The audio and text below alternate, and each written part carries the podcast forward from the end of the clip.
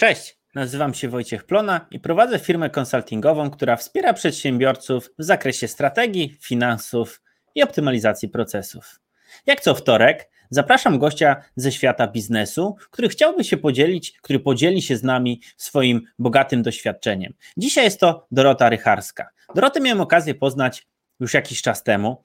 Zawsze kojarzę ją jako osobę, która przeszła od korporacji do własnego biznesu, czyli można powiedzieć, że e, procesy, procedury nie są jej, e, są jej znane, są jej obce, nie są jej obce.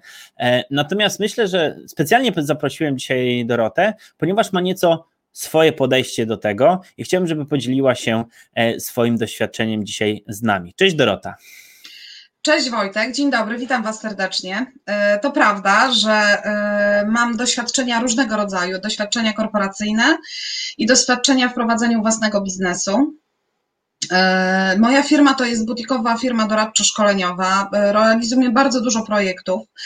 Wojtek realizuje dużo projektów doradczych, my też. My jesteśmy obok z Wojtkiem. Tak ostatnio doszliśmy do wniosku, że jesteśmy bardzo blisko, ale troszkę obok, prawda Wojtek? Ale jednak daleko.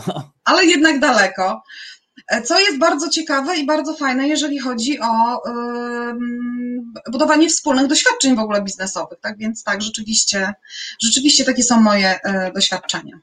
Chyba tak jak myślę o naszej relacji, to jest właśnie taki dobry przykład, jak na pierwszy rzut oka możemy być konkurencją, a tak faktycznie wymieniamy się wieloma doświadczeniami właśnie, czy to w prowadzeniu firm, czy to w prowadzeniu klientów, czy właśnie swoimi projektami, może nie tyle co stricte projektami, ale to, co się na nich dzieje i jak możemy sobie, jak możemy sobie e, pomóc. Zanim zacznę, muszę jeszcze przekazać kilka informacji e, od działu naszego marketingu. Mianowicie są dwie kluczowe informacje. Pierwsza informacja to my, jako Plona Consulting Spółka ZO, zostaliśmy akredytowanym doradcą w programie Spektrum. Czyli można, w dużym skrócie, można uzyskać dofinansowanie na nasze usługi albo 50 lub 95%. Jeżeli chcesz wiedzieć dokładnie, z czym to się wiąże, jak możesz dostać, to Natalia wrzuci link e, w komentarzu. To jest pierwsza rzecz. A druga rzecz, 3 września o godzinie 12 poprowadzę webinar o czterech przeszkodach, które powodują, że małe firmy nie stają się duże. Ale już teraz przechodzimy do tematu. Pierwsze co, to e, będziemy dzisiaj rozmawiać o doświadczeniach swojego klienta. Jak na niego wpływać, jak budować jego doświadczenia.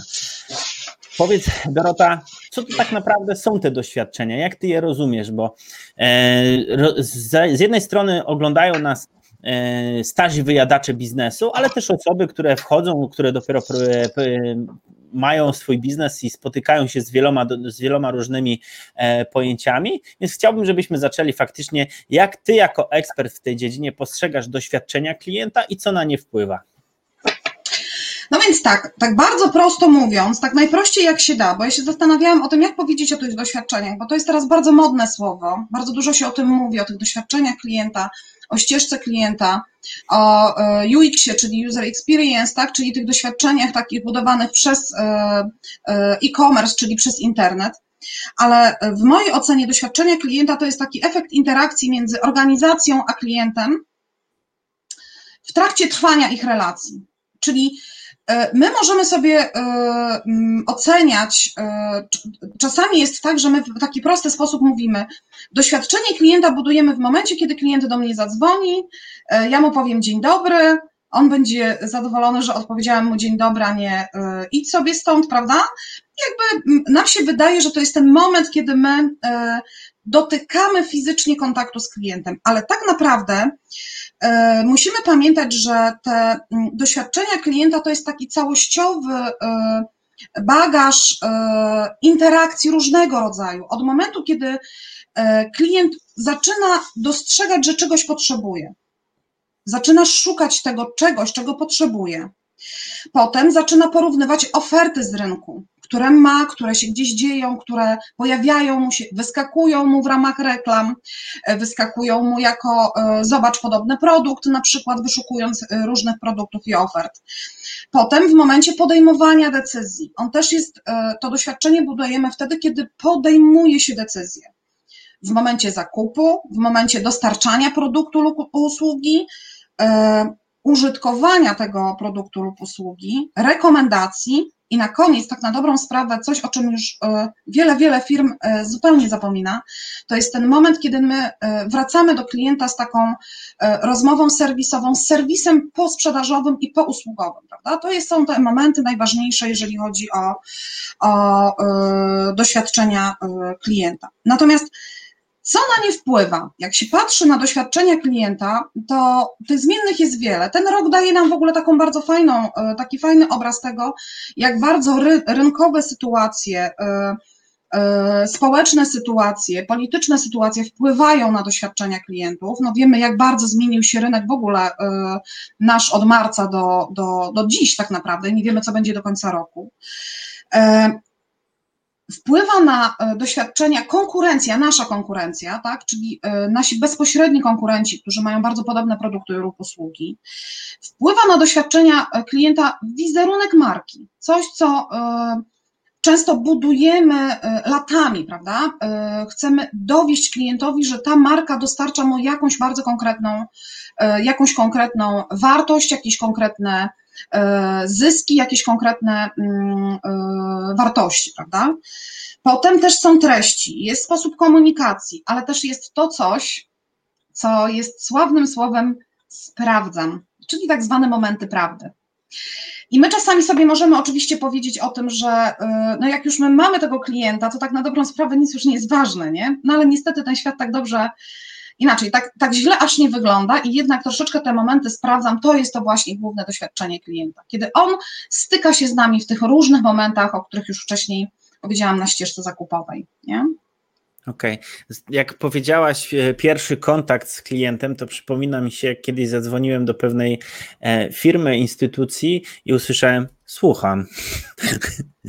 To też, e, też myślę, że każdy z, każdy z nas spotkał się z takim przywitaniem. To ja tak rozumiem też w pewien sposób doświadczenia klienta, ale tak jak Ciebie słucham, to, to nie jest tylko kwestia realizacji usług, ale to już zaczyna się o wiele wcześniej na bazie tam, gdzie ma, planujemy swój marketing, gdzie, gdzie sprzedajemy, gdzie realizujemy nasze usługi, dostarczamy produkty e, oraz to chyba o czym to, co mówiłeś, bardzo dużo ludzi zapomina, że czy nasz drogi kliencie jesteś zadowolony z naszych usług, albo co byś poprawił.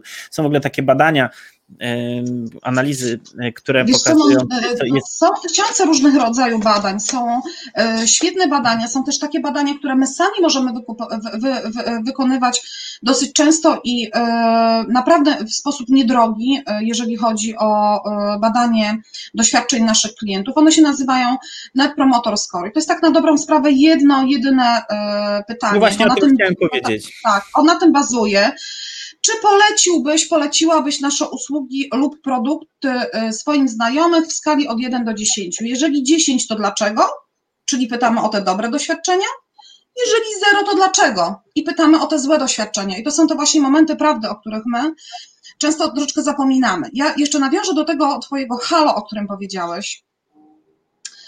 Ja przyznam szczerze, że ja często trafiam do firm dlatego, że mm, bardzo dużo pracuję z firmami marketingowymi e, i te firmy, e, znając już moje podejście do pracy z firmami, e, dzwonią i mówią: Dorota, jest duża praca do wykonania. Dlaczego? Dlatego, że często jest tak, że klienci od firm odchodzą albo mm, nie mają żadnego emocjonalnego związku z firmą i na przykład nawet to, że ceny obniżamy w stosunku do konkurencji, nie przynosi nam żadnego skutku, tak? Czyli firmy dają niższą cenę, wydają bardzo dużo pieniędzy na y, marketing, ale nie mają klientów, nie zarabiają pieniędzy albo mają na tyle duże y, y, odejście klientów z firmy, że nie są w stanie sobie z tym poradzić. I oni wtedy mają taki pierwszy odruch, tacy właściciele, ok, to w takim razie muszę zwiększyć nakłady na marketing, nie? I to jest taki pierwszy moment, kiedy on mówi, muszę wydać jeszcze więcej, jeszcze więcej pieniędzy wydam na marketing. Nagle się wtedy okazuje, że mm, w momencie, kiedy ja wchodzę do takiej firmy i zaczynamy analizować, dlaczego tak się dzieje,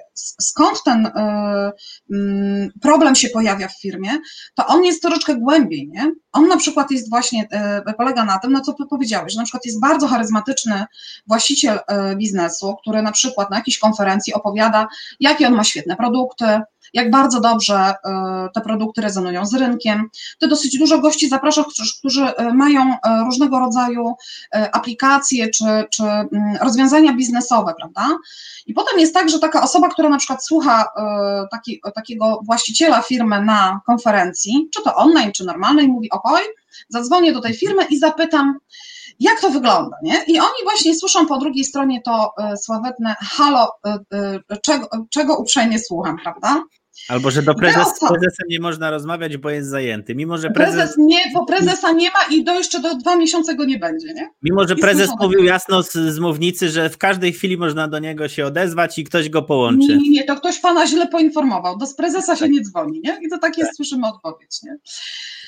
I nagle się wtedy właśnie okazuje, że... Mm, że czasem jest tak, że nam się wydaje, że ten marketing i tą taką główną część, którą dajemy do, do, na rynek, czyli opowiadanie o swoim biznesie, opowiadanie o swoim produkcie, o swojej usłudze, bez e, angażowania zespołu, który jest w naszej firmie, który odpowiada tak na dobrą sprawę za ten kontakt z klientem, prawda?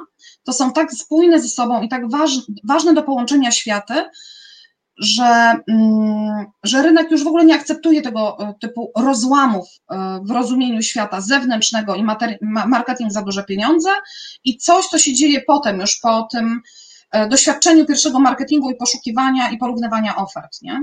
To jest ten moment, w którym, w którym rzeczywiście musimy sobie zadać pytanie, co jest ważniejsze. Dawniej firmy miały prosto to wcale nie było tak dawno, strasznie dawno, nie? Że drukowaliśmy sobie ulotkę, albo mieliśmy stronę internetową, albo e, były yellow page, takie e, żółte książki, nie? I tam się leciało po prostu palcem i się zastanawiało, ok, to ja powiem światu, że ja mam na przykład jakiś produkt albo usługę, nie?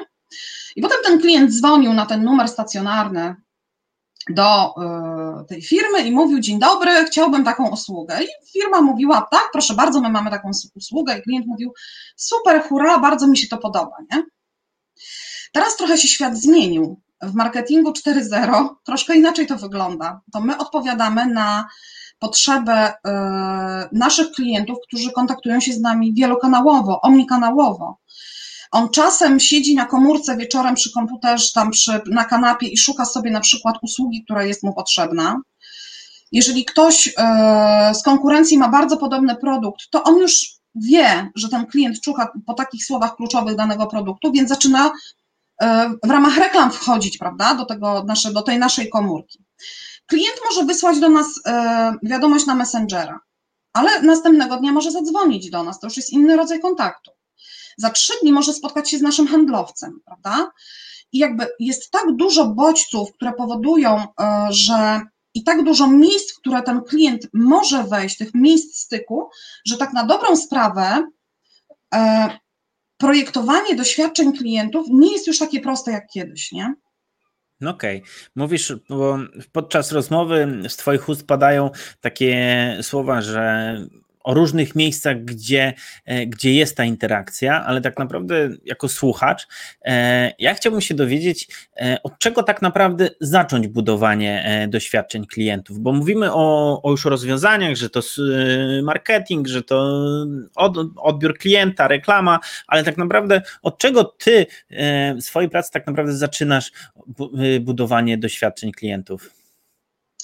Wiesz co, ja bardzo celowo mówię o tym marketingu, dlatego że y, nam się tak mocno bardzo kojarzy y, ta, mm, te doświadczenia klienta z tym marketingiem, wiesz, że my myślimy, że tym załatwimy bardzo wiele spraw. E, a tak na dobrą e, sprawę, w zależności od tego, w którym momencie klient się z nami styka, to my możemy albo e, dotykać SWOT, analizy SWOT, albo możemy dotykać właśnie takich rzeczywistych marketingowych bodźców, albo możemy się stykać ze sprzedawcą. Ale ja powiem, jak ja to robię, jak my to robimy, jeżeli jesteśmy w firmie. No właśnie o coś takiego mi chodzi. Tak. Na początek taka jest rzeczywista i bardzo dokładna diagnoza. Pierwsza to jest taka, gdzie ta firma jest, w jakim ona jest otoczeniu. Robimy takiego czystego, dobrego słota. Może jest tysiące różnych y, możliwości, ale to jest chyba naj, naj, taka najprostsza metoda, czyli y, weryfikujemy słabe i mocne strony firmy, szanse i zagrożenia wynikające z otoczenia. No to każdy o tym dokładnie wie, jak to wygląda. E, potem zastanawiamy się, gdzie się klient styka w ogóle z firmą w trakcie tej podróży, tak? Czyli jakie są punkty styku firmy z, z, z, z klientem. Potem, jaka jest spójność przekazu, tak? Czyli to, o czym powiedzieliśmy, nie? Na, co mówi na zewnątrz sprzedawca albo osoba reprezentująca firmę, a co ten klient dotyka na przykład na naszej stronie albo w kontakcie bezpośrednim w trakcie obsługi klienta wewnątrz firmy. Potem sprawdzamy, kto i kiedy z czego się szkolił, jeżeli chodzi o budowanie relacji z klientami. I ja wiem, że przez lata my robiliśmy miliony szkoleń e, z profesjonalnej obsługi klienta, nie? To były takie kluczowe, najważniejsze szkolenia w każdej firmie. Szkolenie z profesjonalnej obsługi klienta, czyli my się koncentrowaliśmy na A, trudnym kliencie, B, reklamacjach, tak? Czyli wszystkich tych miejscach, w których klient już mówił, mam was dosyć i nie za bardzo chcę z wami e, mieć do czynienia, nie? To były takie korowe szkolenia. Osoba, która obsługuje klienta i klient nie przychodzi, nie jest awanturujący się, nie jest trudnym klientem i nie przychodzi z reklamacją, to niektórzy są tak wyszkoleni, że nie, z takimi normalnymi klientami, którzy przyszli pogadać, nie wiadomo co zrobić. Dokładnie tak. No i potem jeszcze jest taki moment, w którym e, musimy sobie zadać pytanie, jak w ogóle zespół i e, e, szefostwo, management rozumie e, zachowania klientów omnikanałowe, czyli to wielokanałowe, bo czasem jest tak, że my bardzo dużo właśnie wydajemy na tą reklamę, a ludzie, którzy pracują bezpośrednio w styku z klientem, na przykład A, nie odbierają maili, B, nie korzystają z aplikacji, które na przykład z botów, tak, które do nas dostarczają informację, że klient się skontaktował i on, on czeka na kontakt od nas, nie? I ktoś tam sobie po miesiącu przypomina, że rzeczywiście coś takiego było i warto by było zajrzeć do takiej aplikacji, nie? Albo nikt oprócz szefa nie ma y, dostępu do firmowego Facebooka, a tam na przykład się okazuje, że jest milion messengerowych informacji od klientów, nie? No i potem jest jeszcze jedna rzecz, z której bardzo mocno zachęcam do tego, żeby korzystać, czyli analizujemy mm, te informacje z kanałów online, czyli co mówią do nas klienci, którzy dotykają nas w formule online, w kontekście tego, jak możemy to wykorzystać do pracy na procesach tych offline'owych wewnątrz firmy. Nie? I to jest taki e, pierwszy podstawowy temat, tak? Czyli w jakim miejscu jest firma, czym ona dysponuje, jakie jest jej otoczenie, w jakich miejscach styku jest z klientami, kto co wie o tym, jacy są klienci i jak z nimi rozmawiać. No i to, co już wiemy z analityki wszelkiego rodzaju, jak można te zachowania klientów e, e, online'owych przenieść do offline'u. I dopiero na, tym, e, na tej in, informacji zaczynamy coś więcej wiedzieć o zachowaniach naszych klientów i coś więcej wiedzieć o tym, jak my, jako e, ludzie wewnątrz organizacji, możemy na to reagować.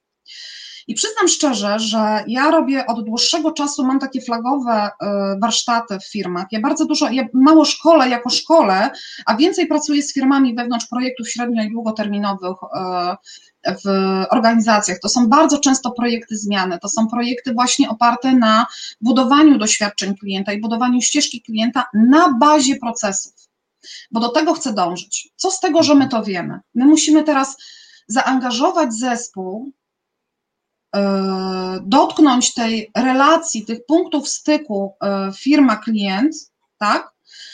I zaangażować naszych ludzi w to, żeby oni wiedzieli, w jaki sposób reagować, ale też w ogóle wiedzieli, jakie bóle klienta rozwiązujemy, jakie klient ma korzyści z tego, że z nami jest i jakie zadania dzięki nam e, realizuje w swoim życiu. I dopiero na tej bazie my jesteśmy w stanie tworzyć e, propozycje wartości, e, mm, informować o korzyściach z naszych produktów, uśmierzać ten ból, tak, czyli tą, zabezpieczać tą potrzebę klienta i dopiero na tej bazie jesteśmy w stanie zbudować mądre i takie odpowiadające potrzebom klientów produkty i usługi.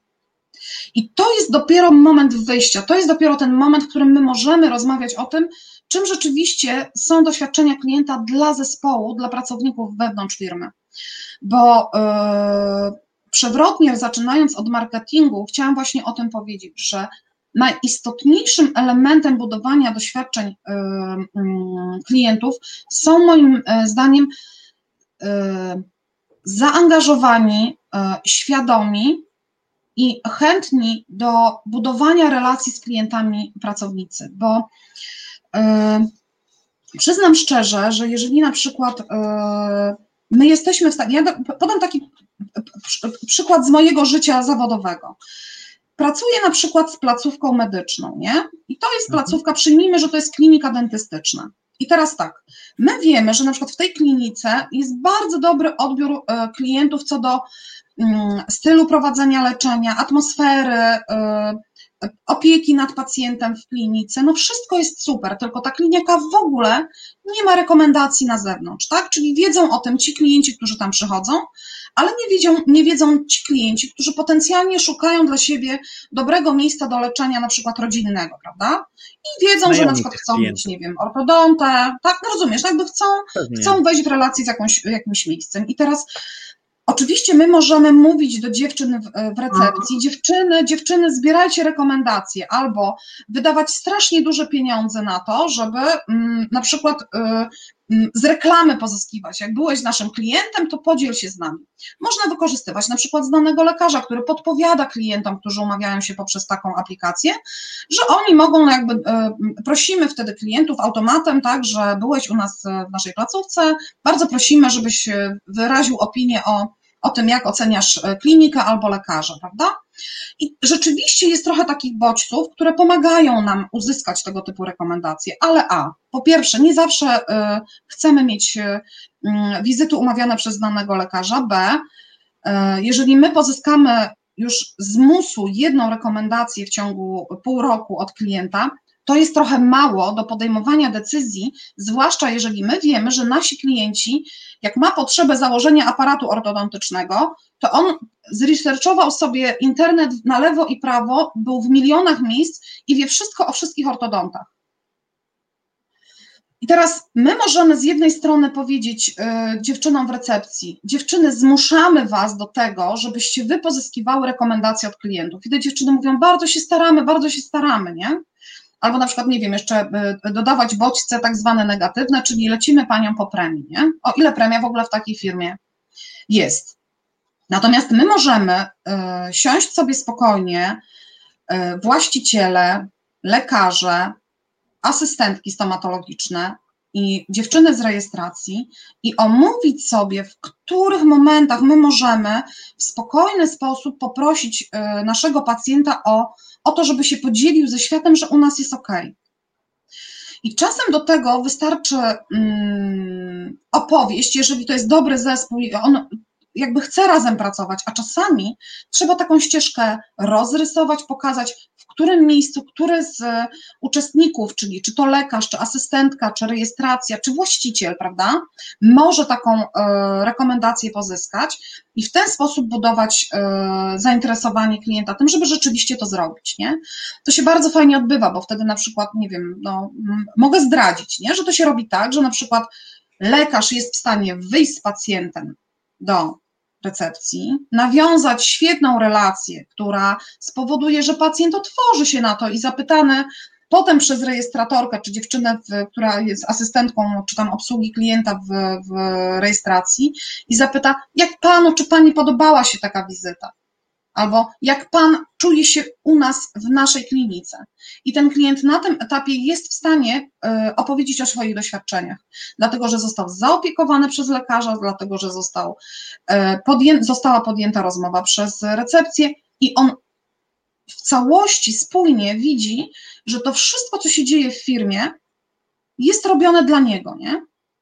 A jeżeli byłoby tak, że lekarz nie wyściubi nosa z y, gabinetu, pani w rejestracji nie ma zielonego pojęcia, o co zapytać tego klienta, i jeszcze na dodatek nie podnosi do niego głowy, i tylko wystawia mu bardzo suty y, y, rachunek za, za, mm, za usługę leczniczą, to może się okazać, że zapytany klient o to, jak podoba Ci się, tak? Jakie masz, czy poleciłbyś, poleciłabyś te usługi swoim znajomych, to on powie tak. W sumie źle nie było, ale głowy czy tam czegoś innego nie urywa, nie? Tak więc rzeczywiście jest tak, że ta propozycja wartości to nie jest tylko to, że my wydamy dużo pieniędzy na marketing, tylko to jest takie spójne działanie zespołu wewnątrz, wewnątrz organizacji, wewnątrz firmy, nie?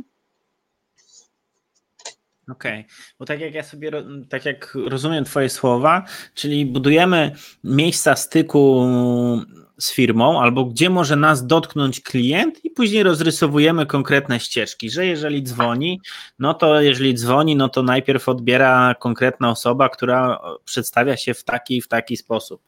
E, pyta o, nie wiem, czy robi pierwszą diagnozę, później zapisuje.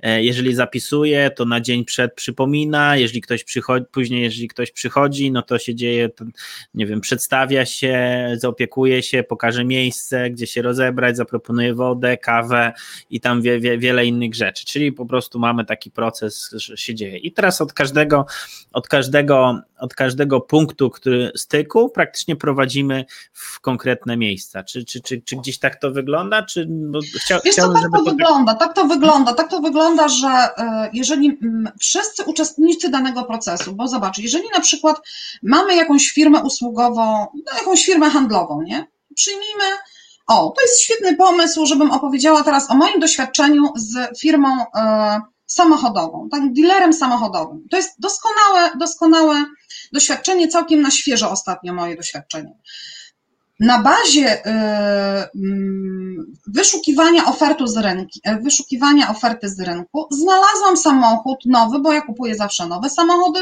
który mi się podobał. Bardzo podobała mi się obsługa sprzedażowa, bardzo mi się podobał cały support dotyczący tego, w jaki sposób byłam prowadzona przez leasing, ubezpieczenia, odebranie samochodu, wszystkie wizyty serwisowe. No na tym etapie nie było żadnego momentu, w którym mogłabym powiedzieć, ok, coś jest nie tak, nie? Coś, coś jest nie tak. Wszystko było super do momentu, kiedy skończyła się gwarancja. I wtedy nagle się okazało, że doświadczenia klienta, a ta gwarancja się skończyła dosłownie dwa miesiące temu, więc żeby też nie było sytuacji, że to jest jakiś stary grat, nie? Dwa miesiące temu skończyła się trzyletnia gwarancja samochodu i wyobraź sobie, że nagle ja zaczęłam iść po takich, wiesz, żarzących e, węglach. W momencie, kiedy pojawił się jakikolwiek problem, to ja już byłam osobą, która przeszkadza firmie, nie? bo ja coś chcę od firmy bo ja czegoś wymagam od firmy. I dział, który zajmuje się serwisem, dział, który e, zajmuje się tą posprzedażowym kontaktem z klientem, absolutnie sobie nie radzi z tym e, i w ogóle nie rozumie swojej roli w tej ścieżce klienta, bo przecież gdybym ja miała świetnie załatwiony serwis posprzedażowy, prawda? To mhm. po pierwsze, jestem w stanie wybrać znowu kolejny samochód. Uwaga, i zobacz, rozmawiamy o dealerze prawda? I teraz to jest bardzo ważny element, jeżeli chodzi o ścieżkę, y, o ścieżkę klienta. Jeżeli ja jestem klientem jakiejkolwiek firmy, to dla mnie nie ma znaczenia, czy ty korzystasz z y, systemów, y, nie wiem, produktów jakichś innych firm, jeżeli one są w moim doświadczeniu na przykład z Plona Consulting, tak, i ty na przykład korzystasz z jakiegoś tam, nie wiem, jakiejś aplikacji, ona ci się zepsuje, to mnie nie interesuje ta aplikacja jako taka, oddzielna, tak, że to jest inne moje doświadczenie. Mnie interesuje, że ty nie dostarczasz mi e, w konkretnym czasie i w konkretnej jakości usługi, na którą my się umówiliśmy, rozumiesz? I to jest właśnie to budowanie doświadczenia. I teraz, jeżeli ja mam złe doświadczenie z dealerem samochodowym, to czy one się zamykają tylko na dealerze, czy one się zamykają na całej marce? No niestety na całej, na całej marce. marce. Rozumiesz? Tak więc, Pewnie. jeżeli my w ogóle mówimy o tym, w jaki sposób y, budować sobie doświadczenia, to tak, my musimy wiedzieć, kto jest odpowiedzialny z naszych pracowników za moment sprzedaży. Kto z naszych pracowników jest odpowiedzialny za moment y, rozliczenia sprzedaży kto z naszych pracowników jest odpowiedzialny za kontakty posprzedażowe? Kto z naszych pracowników jest odpowiedzialny za realizację zleceń, które mamy w związku z tym zakupem, prawda? I teraz, jeżeli my zaangażujemy ludzi i oni zrozumieją, jaką oni mają rolę w każdym poszczególnym e, momencie styku klienta z firmą, to my jesteśmy w stanie realizować wszelkie mm, e, procesy, procedury wewnętrzne, w oparciu o rzeczywistą potrzebę klienta. A nie o to, że ktoś mhm. sobie to wymyślił w jakimś gabinecie i powiedział, od dzisiaj jest tak, nie? Ale to jest strasznie, strasznie, bo wydaje się proste, ale jest bardzo trudne. Ja nawet z, nawet z dealerem e, e, samochodowym, bo akurat też miałem tą przyjemność mieć nowy samochód. E, no i faktycznie odbiór był ok, pierwszy przegląd, no i czuję, że mi tarcze, że mi hamulce stukają przy, przy większych prędkościach, przy dohamowaniu. No i mówię gościowi w serwisie, że ma, mam coś takiego, a na co on mówi, ten typ tak ma. ale no wie właśnie, pan, no, czarny rysu, nie? Twoje kierownicy, no tak ma, że przy wymianie to będzie dobrze. No i to było około tam 20 tysięcy kilometrów, prawda? Jestem na kolejnym, e, na kolejnym przeglądzie niedawno i mówię, że cały czas te tarcze walą. Na co mi gość odpowiada w drugim, w, dru, w drugim e, salonie tej samej firmy, tej samej marki, mówi: Tak, do 20 tysięcy wymieniamy te tarcze. Po 20, jak już ma pan 50 parę tysięcy, to już nie wymieniamy. Samochód nie ma jeszcze dwóch lat, nie? Jest jeszcze na gwarancji, więc no tak. E, a później się jeszcze okazało, że e, znalazłem dokument u siebie, który powoduje, że miał, miał, miał mieć darmowe przeglądy. Przeglądy. A, e, przeglądy, a na sam koniec się okazało, że nikt tego nie wprowadził i przez tam prawie dwa lata płaciłem za każdy przegląd i wymianę oleju. A zwłaszcza z tego, że ja taki jestem, że co, bardzo często jakby przegląd raz w roku i wymiana co 15 tysięcy, no to faktycznie e, e, faktycznie jest to, jest to niezła, niezła zabawa i mam poczucie czasami takie, że ja wybierając samochód i to nie jest, to jakby starałem się, żeby to był fajny, fajny i dobry samochód, to mam poczucie, że naprawdę trochę kasy e, dostali za ten samochód i zapłacili, a traktują mnie tak jakbym przyszedł z ulicy i, i wziął, wziął nie wiadomo e, nie, wi nie wiadomo Zobacz, co. Wojtek, i to jest bardzo Natomiast, ważne, nie? To, no faktycznie jest to poczucie, bo to nawet nie chodzi o to, że bo każdy klient powinien być tak samo. Nieważne, czy zostaje więcej, czy mniej, bo to tak, tak jak ja rozumiem, to nawet u siebie w firmie. Nie nieważne, nieważne nie czy ktoś bierze konsultację za kilkaset złotych, czy robi projekt za kilka czy kilkanaście tysięcy. Kilkadziesiąt tysięcy, ten, nie? No ten, ten, co robi ten mały projekt u nas, czy tam konsultację, to może później pójść i powiedzieć, słuchajcie, tam oni super ogarniają to. Ja bardzo z nimi chcę współpracować. Bo wiesz co, bo na proces naszego zapamiętywania mają wpływ wszystkie elementy po drodze wszystkie elementy po drodze. I teraz, e, jeżeli dla nas, e, patrząc na doświadczenie klienta jako zapamiętanie tej relacji z firmą, to może się okazać, że a, faktycznie mieliśmy do czynienia na przykład z aplikacją, która nie działa i z jednej strony możemy się tłumaczyć, no trochę czynniki zewnętrzne, ale z drugiej strony możemy mieć tak, absolutnie szalony dział marketingu, który wymyśla po prostu cudawianki, ale nie zdążył e, w ciągu pół roku, czy tam roku, jak mówisz, poinformować obsługi klienta i działu sprzedaży o tym, że te elementy są elementami bezpłatnymi dla klienta, rozumiesz? I to mhm. jest właśnie ta niespójność procesowa wewnątrz firmy. I my możemy wydawać mnóstwo pieniędzy, my możemy mieć super pomysły. Jeżeli nie jesteśmy z procesami, tak, czyli nie informujemy się po kolei, czyli przekazujemy sobie tego klienta z rąk do rąk, nie? W takich momentach, w tych momentach styku klienta z firmą, to naprawdę nawet najfajniejsze produkty i najfajniejsze usługi się niestety nie sprawdzają. I to, co powiedziałam, proces naszego zapamiętywania jest trochę, mm, e, tak właśnie uważam, że właśnie należy traktować klienta, jakby on był jedyny. No właśnie, niezależnie ile płaci, tak się buduje markę. I teraz, e, niezależnie od tego, e, ile bodźców z boku się pojawia, ile informacji z boku się pojawia, to my musimy pamiętać, że klient czasami jest zdenerwowany, czasami coś z zewnątrz się dzieje, czasami kulturowo nie umie nam powiedzieć, że coś jest super albo nie super, ale my musimy umieć wypracowywać e, to ryzyko e, postrzegania firmy jako niekompetentnej, albo wypracowywać to ryzyko doświadczenia tych złych momentów prawdy. To jest może trochę skomplikowanie powiedziane, ale chodzi o to, że jeżeli my stworzymy sobie te nasze wewnętrzne procesy oparte o potrzebę klienta, to my jesteśmy w stanie trochę na takim autopilocie działać w sytuacjach trudnych, nie? I my wtedy wiemy, w jaki sposób, co dla niego było najważniejsze przy tym zakupie, jaki ból jego yy, rozwiązywaliśmy, nie? Jeżeli mówimy o samochodach, to rzeczywiście, jeżeli na przykład ja prowadzę firmę doradczo-szkoleniową i pracuję w całej Polsce, to dla mnie sprawne auto dostępne z bardzo krótkim terminem yy, serwisu jest kluczowe jest kluczowy w wykonywaniu moich obowiązków, nie? A jeżeli ktoś tego nie rozumie, to znaczy, że nie jest w stanie niwelować moich złych doświadczeń z firmą, nie? I tak jest w każdym jednym, e, tak jest w każdym jednym e, e, biznesie. Tutaj nie ma znaczenia, czy to jest samochód, czy to jest usługa medyczna, czy to jest usługa doradcza, czy to jest usługa księgowa, bo Joasia z nami jest. to niezależnie co to jest po prostu, nie? Jasne.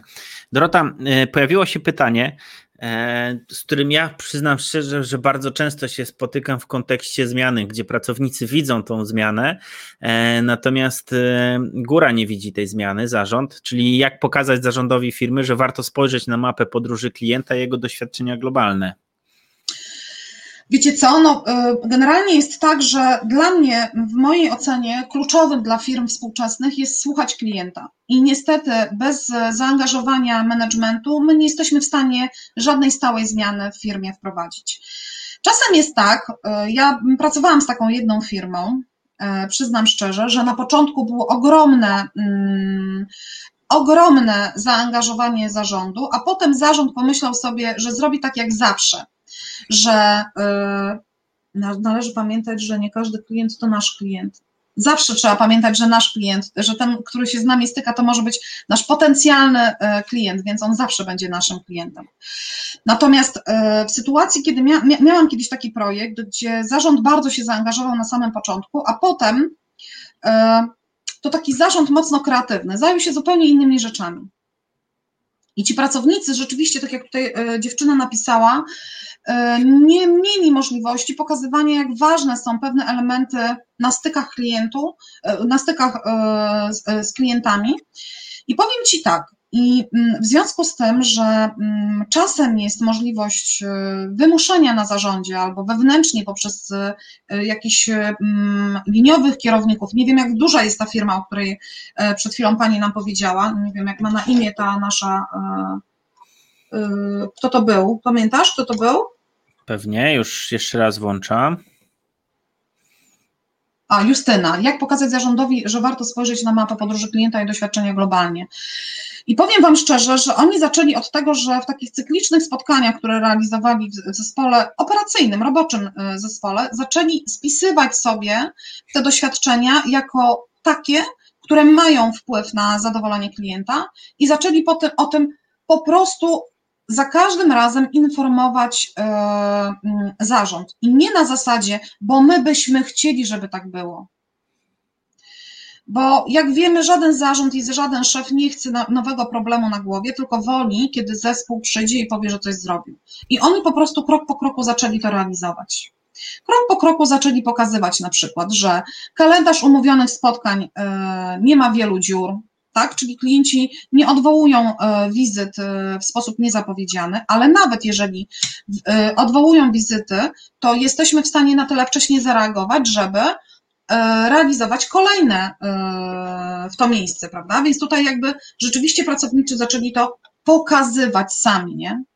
Nie zmusi się zarządu. Musimy pamiętać o tym, że zarząd to jest właściciel biznesu. Jeżeli właściciel biznesu nie jest zainteresowany E, budowaniem wartości dla klienta, to my musimy się zastanowić jako pracownicy, czy chcemy w takiej firmie pracować i rzeczywiście e, czasem jest tak, że to pokazywanie przez pracowników zarządowi tych zmian, które wynikają, tych korzyści na przykład, które wynikają z tego, że są e, bardziej spójne procesy na poziomie e, czy umawiania wizyt, czy finalizowania wcześniejszego e, sprzedaży, czy mm, lepszego reagowania na kontakt klienta przez kanały zdalne.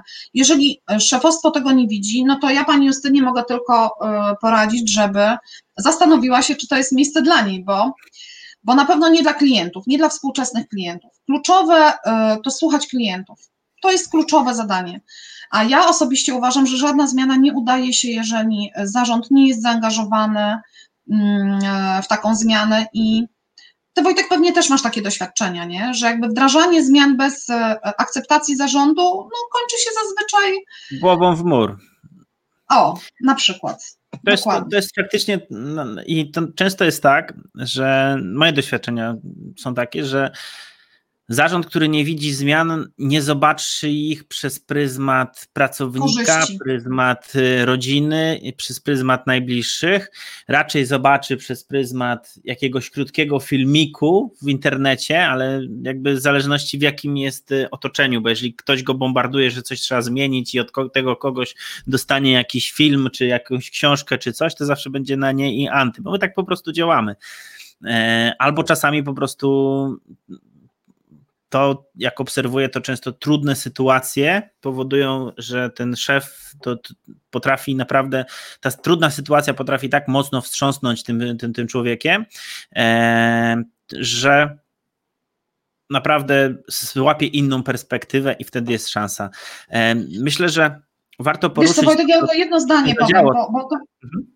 Bo to jest bardzo ważne, wiesz, y, y, my pracujemy w firmach, ty i ja i y, powiem ci szczerze, że to są bardzo trudne projekty, aczkolwiek one się często zdarzają, często, może niezbyt często, bo to też w zależności od tego, na ile my jesteśmy świadomi wchodzić w tego typu projekty, z klientami, bo to jest też nasza odpowiedzialność za to, czy widzimy szansę na powodzenie, czy nie.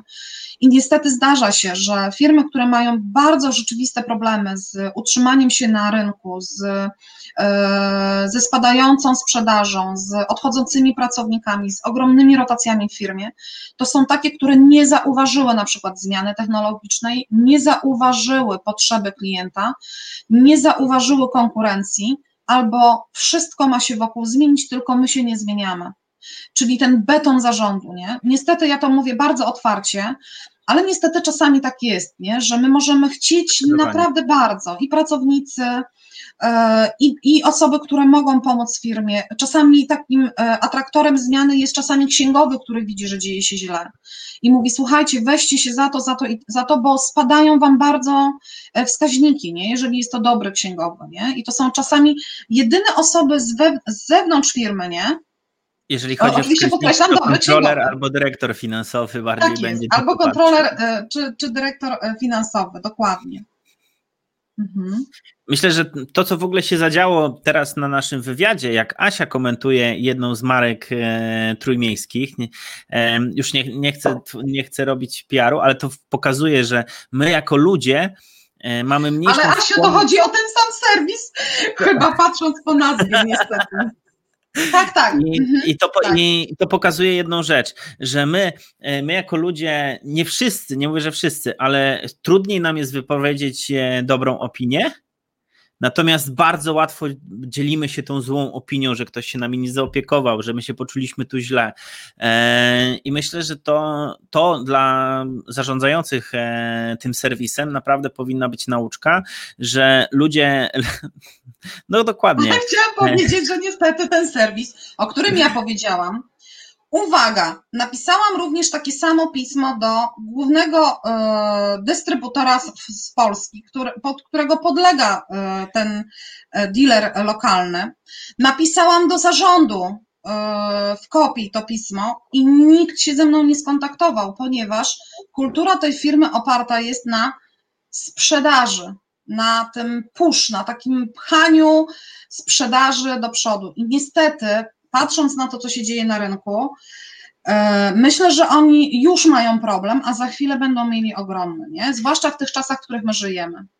A to jest w ogóle niesamowite, bo to jest marka premium, to są marki premium. Nie, najczęściej jak ja spotykam, to jeżdżą osoby na wysokich stanowiskach albo posiadające własne, osoby. firmy, tak, opiniotwórcze. Szerokie, tak, szerokie doświadczenia, to, szerokie jest to znajomości. stosunkowo tak. mała grupa na tle całego kraju i rynek jest skończony, można powiedzieć. I, i nie wiem, sam nie, nie, nie wiem, czy te, te, osoby będą wracać, czy nie będą wracać, więc faktycznie ma to, ma to potężny wpływ. Wiesz co, Wojtek, ja jeszcze się odniosę do tego, o czym powiedziałeś, bo to jest dla mnie bardzo ważny element w ogóle takiej kultury pracy z klientem, bo mm, tak się właśnie przyjęło, że mm, my jako ludzie częściej udzielamy negatywnych, e, negatywnych opinii niż tych pozytywnych, ale Jesteśmy jeżeli my, udzielać, nie? Tak, skłonni, ale jeżeli my jesteśmy w takim e, procesie zaopiekowania się firmy, w tym każdym punkcie styku z nami, czy to jest newsletter, zobacz, jakie to są różne miejsca, czy to mhm. jest newsletter, czy to jest wizyta handlowca, czy to jest telefon serwisowy od dyrektora generalnego, czy dyrektora na przykład handlowego, prawda? Czy to jest e, zwykła odpowiedź na Messengera, czy to jest, e, czy to jest cokolwiek innego, co wpływa na takie mikroelementy naszego styku z firmą i nasi pracownicy rozumieją, o co nam chodzi, bo zobacz, czasem jest tak, że my mamy świetnie prowadzonego fanpage'a, ale mamy zero zaangażowanych pracowników i nikt na maila, e, na messengera klienta, który jest wysłany o 18 w piątek, już nie odpowie. Rozumiesz? Że jakby to zaangażowanie powoduje, że to nasze doświadczenie na stałe jest dobre. A to y, w takim linearnym myśleniu o tym, y, mm, kiedyś tak było, nie? Że, że tak linearnie myśleliśmy nawet o tych kontaktach z klientami, właśnie, że to my wywołujemy te kontakty. Dziś się rynek zmienił i to klienci wywołują kontakty i wywołują te momenty, w których to oni chcą się z nami kontaktować. Nas bardzo wspiera digitalizacja. Jeżeli ktoś ma na przykład, nie wiem, zakład fryzjerski, e, mm, firmę medyczną, nie wiem, kosmetyczkę, to może używać świetnych narzędzi digitalizujących nasze relacje z klientami od momentu, kiedy klient poszukuje w ogóle takiego, takiej usługi, pomóc nam mm, często, tak, do pieszczeniu, ale zobaczcie, to jest właśnie też o czym mówię, nie?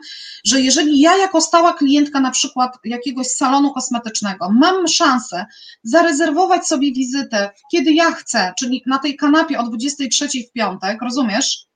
I ja mhm. wiem, że ja mam dobre doświadczenia, bo nikt o mnie nie zapomni, nie muszę ja sobie przypominać w ciągu tygodnia, tylko z- zrobię to wtedy, kiedy ja chcę, to ja ten moment mam zabezpieczony. Do czego ja dążę? Że czasem nam się wydaje, że to wszystko my musimy zrobić ale jeżeli my wiemy, że rynek się digitalizuje, rynek kontaktu z klientem się digitalizuje, zresztą zobaczmy, co się stało przez COVID. Jak wiele firm przeniosło swoją działalność do internetu, jak wiele usług w ogóle jest w internecie, jak wiele firm zmieniło profil działania nie? Na, na taki e-commerce'owy taki, który doświadczamy właśnie w kontaktach z klientem przez internet, to zwróćmy uwagę, jest tak dużo punktów styku, y, gdzie musimy mieć zaangażowanych pracowników, którzy na przykład odpowiedzą temu naszemu klientowi: Cześć, słuchaj, y, y, już jesteśmy poza biurem. Znowu można to zautomatyzować, ale można odpowiedzieć, prawda? Żeby te kryzysy nie wybuchały w weekendy. Wiemy o tym, że są nawet takie strony, które pokazują nam te kryzysy wybuchające w weekendy. I zwróć no uwagę, to nigdy nie jest niedziałający system. Zazwyczaj to jest błąd ludzki albo niedopatrzenie ludzi, albo sytuacja, w której nam ktoś źle odpowiedział albo zareagował nie tak jak trzeba, nie? Dokładnie. E, chciałbym, chciałbym wrócić do tego, co Mariusz napisał, że nie każdy klient to nasz klient. Ale myślę, że co do tego możemy się zgodzić, bo jeżeli widzimy na przykład takiego ja człowieka, który jest mało skłonny do zmiany, Czyli powiedzmy, wiemy, że idziemy na spotkanie handlowe, rozmawiamy o możliwościach współpracy, rozwoju firmy i wiemy, że to jest po prostu czasami widać, że to jest człowiek, który będzie oczekiwał od innych, natomiast nie zrobi autorefleksji. To sami powiedzieliśmy, że tak samo ty, jak i ja mamy takie przekonanie, że nie we wszystkie projekty chcemy wchodzić, bo wiemy, że nie będzie efektów i jak mocno byśmy się nie napracowali, to czasami zmiana zależy przede wszystkim od, od zarządu i tego, na co pozwoli. I to tak jak ja rozumiem te słowa, to że czasami po prostu mieć świadomość tego, że nie każda osoba, która przychodzi do naszej firmy, może zostać naszym klientem, ale możemy go w odpowiedni sposób potraktować, sprawić wrażenie, że on odejdzie, stwierdzi, że to nie jest, jakby został odesłany, ale ma bardzo dobre wrażenia, że ktoś się nim zaopiekował, że szybko odpowiedział. Wiesz, to ja e, całości nie przeczytałam, bo tak szybko mhm. przeleciał ten e, komentarz. E, e, Wojtek do niego wróciłem, bo tak, dziękuję Ci bardzo. Zgadzam się z Wami w 100%. Powiem jedno, że jeżeli my tworzymy firmę opartą o nasze wartości, nasi pracownicy rozumieją, jaki jest przekaz firmy na rynek, co my sprzedajemy, na jakich wartościach się opieramy. Często tak naprawdę e, głównym takim uspójnieniem wiedzy e, zarząd i pracownicy jest chociażby to, że pracownicy znają wartości firmy, kontraktują się ze swoimi szefami, wiedzą na jakich elementach, jakie elementy są tymi nośnikami firmy na zewnątrz. I jeżeli my dla takich, e, na tych swoich wartościach proponujemy klientom rozwiązania, usługi i produkty, to trafiamy dokładnie do tych klientów, którzy oczekują dokładnie tego samego, którzy są spójni do tego, jak odbierają e, sprawy społeczne, polityczne, ekologiczne, e, nie wiem, jakiekolwiek inne, światopoglądowe na przykład, prawda? Jeżeli my jasno komunikujemy na rynek swoje e, wartości, to trafiamy, jeżeli to komunikujemy, poprzez markę, prawda? Poprzez y, spójną komunikację pracowników i szefa, prawda? I przez stronę, przez nie wiem, cokolwiek innego, przez sociale, no jak chcesz to wtedy ci klienci mają wiedzę, do jakiej firmy oni trafiają. Ale my niestety mamy jeszcze do czynienia z firmami i ty Wojtek o tym wiesz i ja o tym wiem, że firmy są, niektóre są firmy takie, które tak bardzo boją się utraty rynku, tak bardzo boją się utraty klienta i tak bardzo nieświadome są w tym, do kogo produkują albo do kogo dają usługę, prawda? Że biorą każdego z rynku. I wtedy zaczynają się dramaty, no bo ten klient oczekuje zupełnie innych rzeczy. A my dajemy mu coś, zupełnie, zupełnie odstającego od jego oczekiwań. Nie? Czyli jeżeli nie uspójnimy na poziomie firmy, jakimi wartościami się kierujemy, kierujemy przy sprzedaży, o, zwłaszcza w usługach doradczych, gdzie działam, nie ma podłoża do współpracy, gdy nie zgadzają się wartości. Dokładnie tak. Jeśli zagrają wartości, to jest mega synergia i projekt dostaje ekstra skrzydeł. To właśnie o tym mówię, nie? że jeżeli my nawet poprzez takie małe kroki realizujemy śmiałe cele z klientem, to znaczy mówimy, wiesz, nie zgodzę się na przykład na fraudy z tobą w biznesie. Albo chciałabym, chciałbym, żebyśmy pracowali na bazie jakiejś konkretnej umowy, prawda? Albo produkt, który ci daję, jest produktem e, w pełni e, ekologicznym, prawda? I trafiamy do bardzo odpowiednich klientów. Zobacz, zwróć uwagę, był taki moment, kiedy mm, stacje benzynowe zaczęły między sobą e, konkurować o kawę, nie? Był taki w ogóle tam moment, że były takie rankingi, która kawa na którym Orlenie czy tam innym BP jest lepsza. I zobacz, co się niedawno stało. I ostatnio pierwszy Orlen, ja mam tam swoje też ulubione e, stacje, ale jeżdżę na Orlen na kawę z jednego ważnego powodu. Wiesz dlaczego? Dlatego, że oni sprzedają kawę Fairtrade. Kawę, która od początku do końca jest bardzo e, e, społecznie odpowiedzialnych e,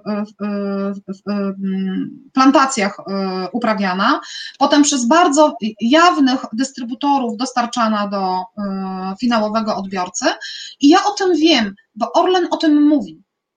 Jeżeli ja wybieram kawę, to dzięki temu, że ja wiem i dla mnie te, istot, te wartości są ważne, tak? Czyli taki biznes oparty na y, y, uczciwości, na płaceniu ludziom, na y, ważnym dla środowiska elementach, tak? Czyli takim działaniu ekologicznym, to ja wybiorę tą kawę prawda? Ale jeżeli na przykład dla mnie nie ma to żadnego znaczenia, to kupię kawę, wiesz, w, nie wiem, żeby nie urazić żadnego tam Żabsona czy innej firmy, jakąś tam gorszą, rozumiesz? Ale to są moje wybory. Jeżeli firma to komunikuje. świadomości, nie? Właśnie, jeżeli firma komunikuje swoje wartości, to ja jako klient mogę dokładnie tą firmę po tych y, y, wartościach wybrać, bo ja chcę budować swoje pozytywne doświadczenia w oparciu o moje wartości jako klienta, mój światopogląd, y, moje idee i moje potrzeby, nie? Okej. Okay. Zanim jeszcze zaczął się live, e, rozmawialiśmy sobie, ty poruszyłaś o taki mega, mega ważny temat, e, ponieważ są pewne różnice e, na temat marketingu doświadczeń klienta i procesów klientocentrycznych. Jakbyś wytłumaczyła, czym to się faktycznie różni, jak wpływa na biznes. No więc tak, generalnie e, powiem tak, czasami jest to troszkę mylone, nie? że jakby nam się wszystkie doświadczenia klienta, to co powiedziałam na samym początku, kojarzą właśnie tylko i wyłącznie z marketingiem, nie? a to troszkę różnie jest, bo marketing doświadczeń to zgodnie z tym taką definicją marketingu 4.0 to jest e, budowanie relacji człowiek do człowieka, nie? Human to human. Tak to się, tak to się wychodzi, nie? Kiedyś było tak, że my mieliśmy produkt, jego cechy, zalety, korzyści i jechaliśmy z taką prezentacją produktową, co my mamy dla klienta. Dziś ten e, marketing doświadczeń i jego głównym e, zadaniem to jest realizować obietnicę poczynioną e, przez firmę na rynek, nie? Czyli jeżeli ja mówię, że jestem firmą działającą fair, to marketing ma to powiedzieć. Rozumiesz? Tak jest. Czyli nie puszuje cały czas, że my mamy super produkty, tylko on jakby do, dostarcza nam dowodów na to, że my działamy fair. Zobacz, tak się na przykład komunikują e, różnego rodzaju firmy sportowe, na przykład, tak? To, dla których, nie wiem, e, wspólnota, albo nie wiem, jakieś wspólne uprawianie sportu. Ich marketing polega na tym, że oni wciągają nas w tą budowanie relacji firma klient, ale też udowadnianie i przekonywanie nas rzeczywiście tak jest. Natomiast procesy klientocentryczne mają dostarczyć to spełnienie obietnicy. Czyli my musimy wewnątrz firmy na tą składaną obietnicę na zewnątrz odpowiedzieć tak, na poziomie rejestracji zawsze odbieram telefon, nie oszukuję klientów, że nie ma tego prezesa, o którym mówiliśmy, że jego nie ma, tak, że mm, nie okłamuję klienta i nie mówię, że wszystko jest winą na przykład innej, e, innego pracownika, że nie zawyżam marży klientowi, tak, na przykład, to są też wartości bardzo ważne, albo że dotrzymuję słowa, jeżeli coś pójdzie nie tak, nie? bo klienci nie oczekują od nas, że my będziemy doskonali.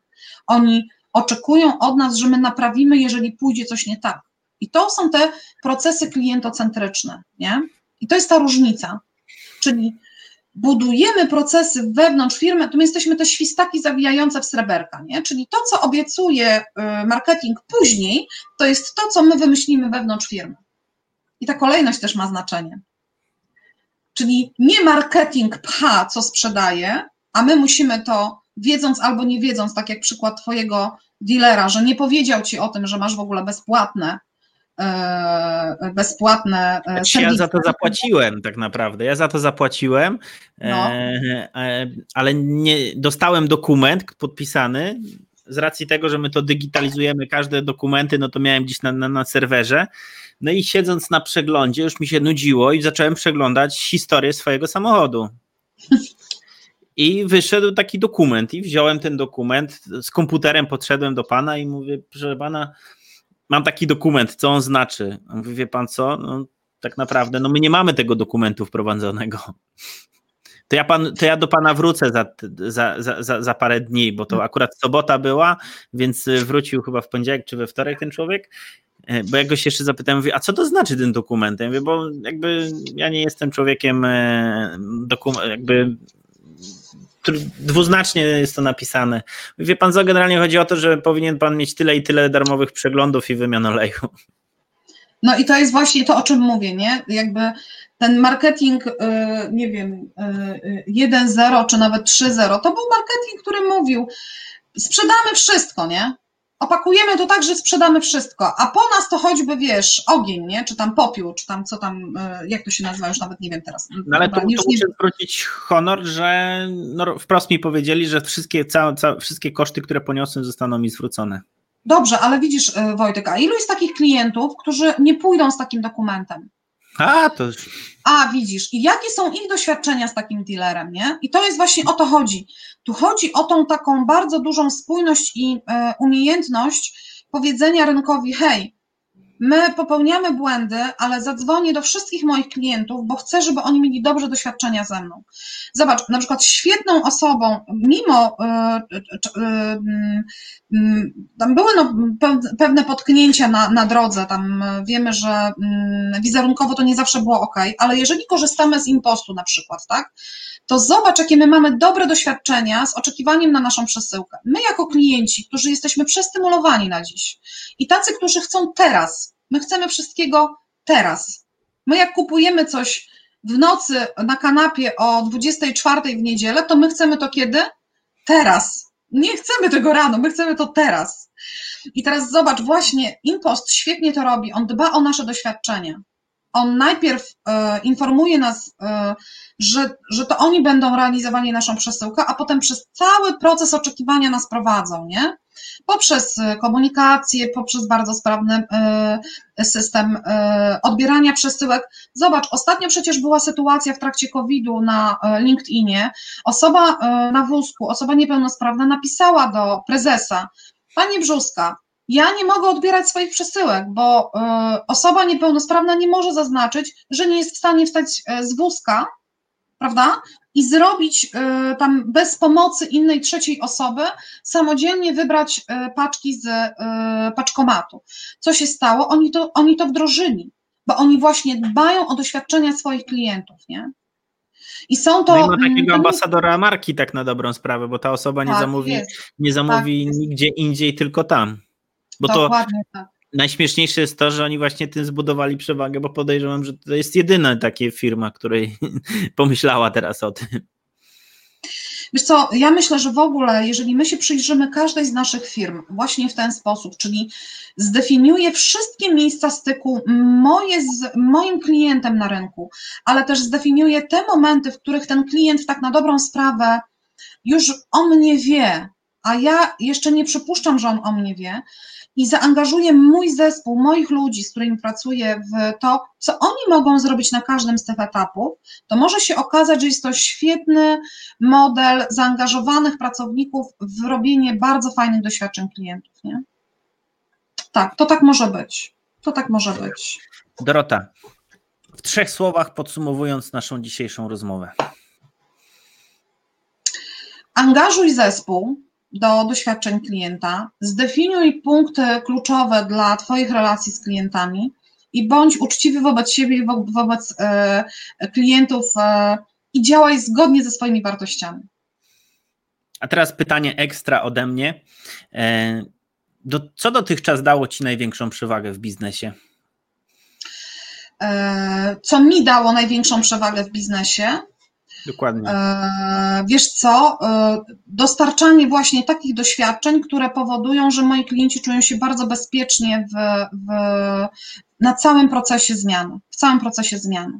Angażowanie liderów w proces zmiany dało mi bardzo dużą, e, bardzo dużą przewagę i to, że umiem wytłumaczyć im tą istotę zmiany, nie? Jakby zaangażować ją w istotę zmiany. Ja jeszcze powiem jedną rzecz na koniec. E, Ty miałeś na początku, ja powiem na samym końcu, Wojtek, że mm, po covid kiedy my, zresztą Ty byłeś moim gościem, bo to też jest ta przewaga, o której ja mówię, my budowaliśmy nadal doświadczenia naszych klientów, ponieważ e, jak wszyscy zostaliśmy w domach i zaczął się lockdown, ja wiedziałam o tym, że jest tysiące e, ludzi z biznesu, którzy nie mają skąd czerpać wiedzy.